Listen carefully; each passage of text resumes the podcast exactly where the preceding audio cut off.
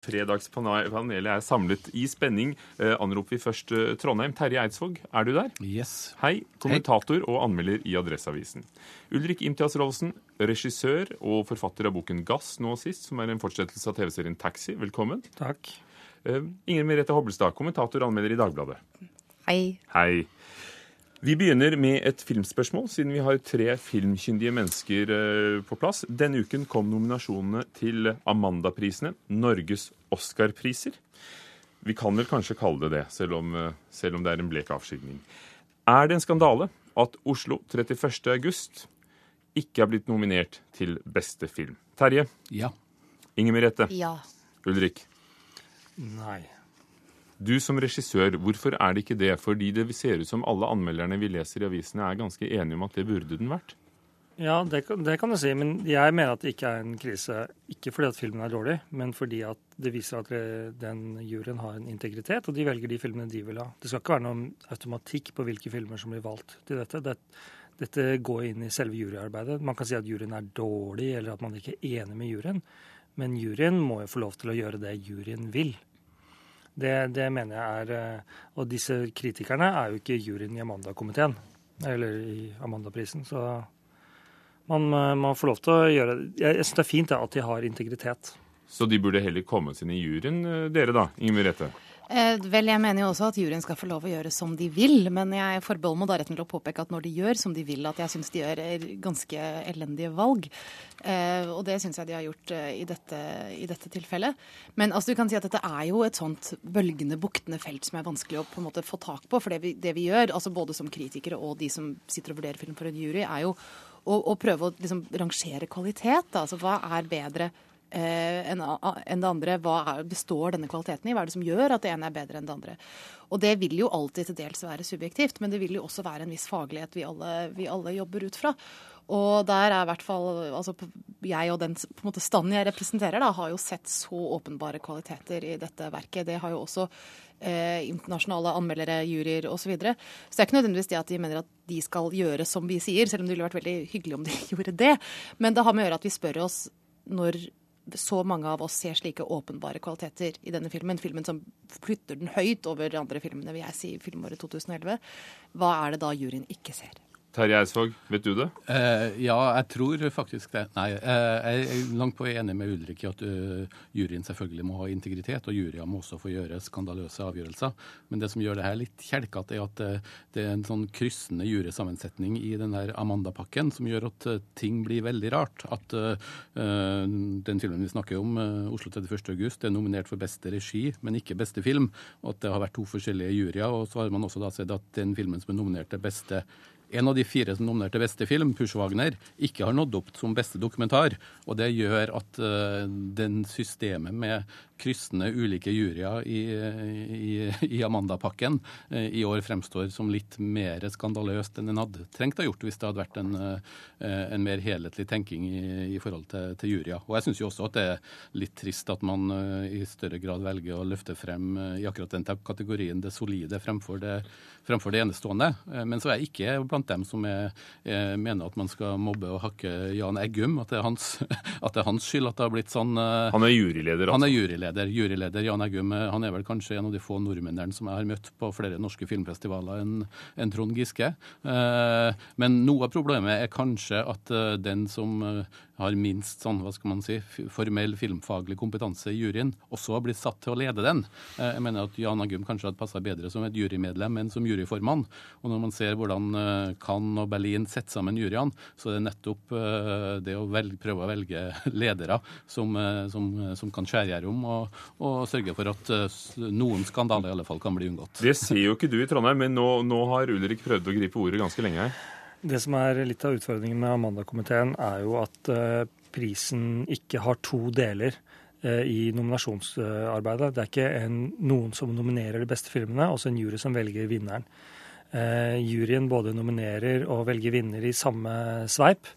alle filmer er på en måte står opp til valg, og så kaller de det etterpå de nominerte. Men de har allerede bestemt, de har allerede bestemt hvem uh, vinneren er. slik at det har ikke samme systemet som i, i USA f.eks. på Oscar, hvor det er en The Academy som velger fram de, de, beste filmene som de mener er best, og det er en stor velgergruppe som da stemmer fram de som er nominert, og så er det en jury som velger etterpå.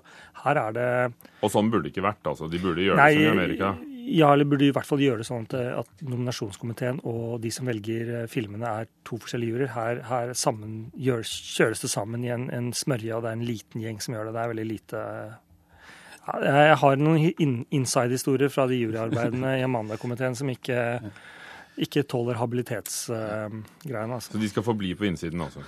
Som et lite apropos til denne sånn festival-jury-konkurransediskusjonen, så er det verdt å huske på at iblant er jo slike resultat Det som kommer ut av et slikt juryarbeid, er jo ofte et eh, på en måte tegn på den menneskelige komedie. da, fordi dette er jo, det, Disse er jo alltid sammensatt av ganske sterke personligheter med ganske forskjellige meninger.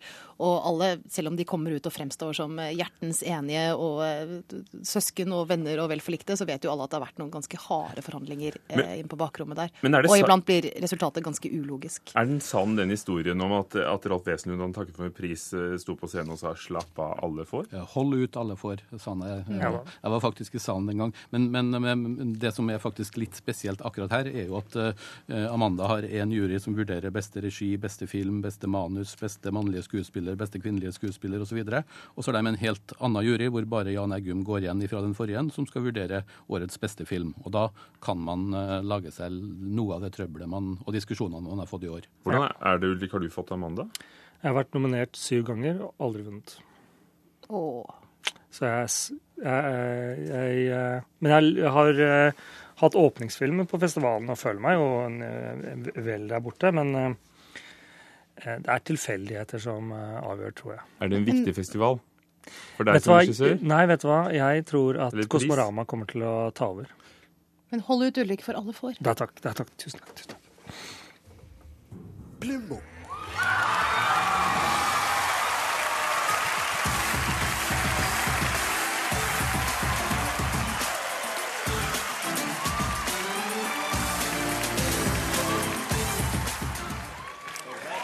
Oi, oi, oi.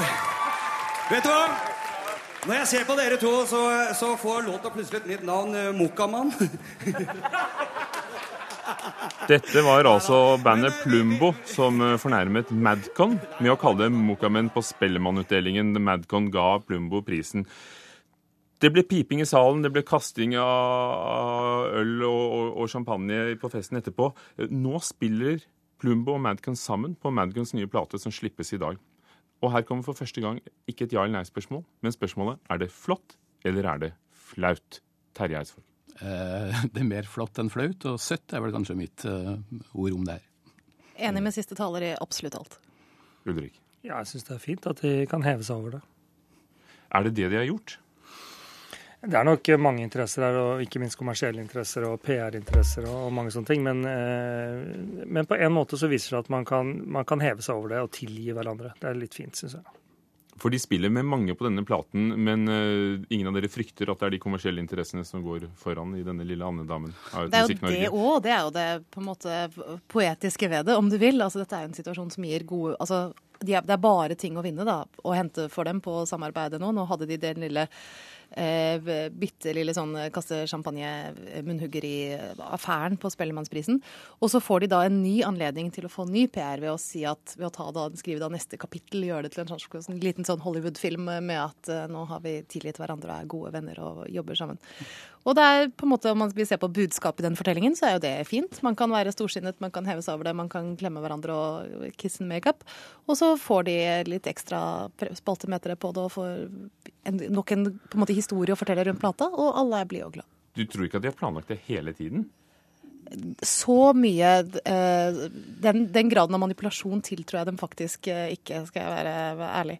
Terje, du, du er musikkanmelder. Ja, eh, Hvordan er det, resultatet?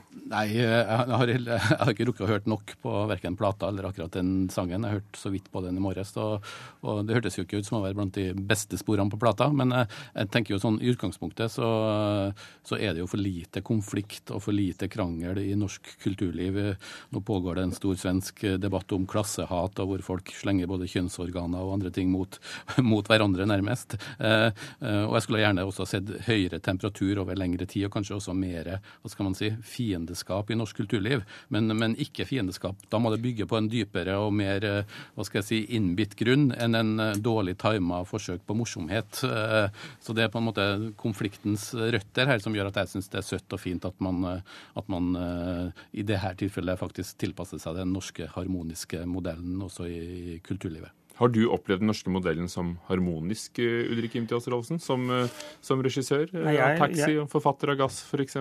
Jeg var en av dem som reagerte på denne vitsen ganske kraftig, fordi jeg er en av dem som er offer for sånne hverdagsrasisme og små morsomheter. Og jeg mener at man kan lære av andre minoriteter som man ikke lenger mobber. Man, man slenger jo ikke dritt om tjukke i ansiktet til dem og sånne ting.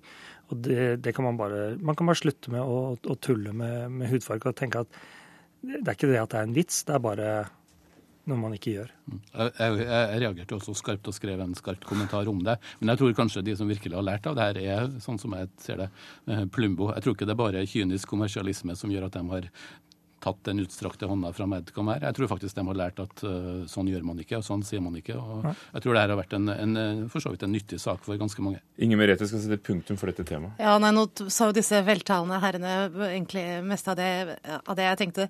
Uh, men altså, det er noe med det at jeg er helt for at vi trenger litt tydeligere fronter iblant. altså Litt diskusjoner om norsk musikkliv. Hva er godt, hva er dårlig, hvor er man på vei, får man ivaretatt det ene med det andre. Men altså, dette er ingen grunn til å gå og tvære på eller gjøre til noe, til noe som man bærer nag til hverandre eller ha en sånn konflikt gående pga. en sånn tåpelighet fra Plumbos side på Spellemannsprisen. Dette er sånne ting man blir ferdig med, og hvorfor ikke gjøre det på en måte hvor man også kan få litt gratis reklame på kjøpet. Madcon var jo ganske tullete etterpå, de også, så det er bra. Kiss and make up. En ting vi aldri blir ferdig på med, er sex. Og nå kommer sexbøkene for fullt. Et norsk forlag oversetter Fifty Shades of Grey, som er en bokserie som har solgt i 15 millioner eksemplarer. Her er et lite utdrag. Eh, hold dere fast. Han drar ned undertøyet mitt med én finger. Brystene mine blir dyttet opp, eksponerte og sårbare. Jeg dytter hoftene opp mot ham. Du er en grådig jente, kjefter han mildt. Han beveger fingrene I anstendighetens navn har vi satt av liten tid til å diskutere temaet sex i Kulturnytt, men i en tid når alt kan sees med det blotte øyet bare noen tassetrykk unna, er bluferdigheten død i litteraturen, Terje? Ja. Inger Merete? Ja. Ulrik? Hva å si? Jeg har selv prøvd å være bluferdig i, i litteraturen. Jeg har skrevet 'Gass' og skal skrive sexscener, og alle har liksom Adil Khan på netthinen.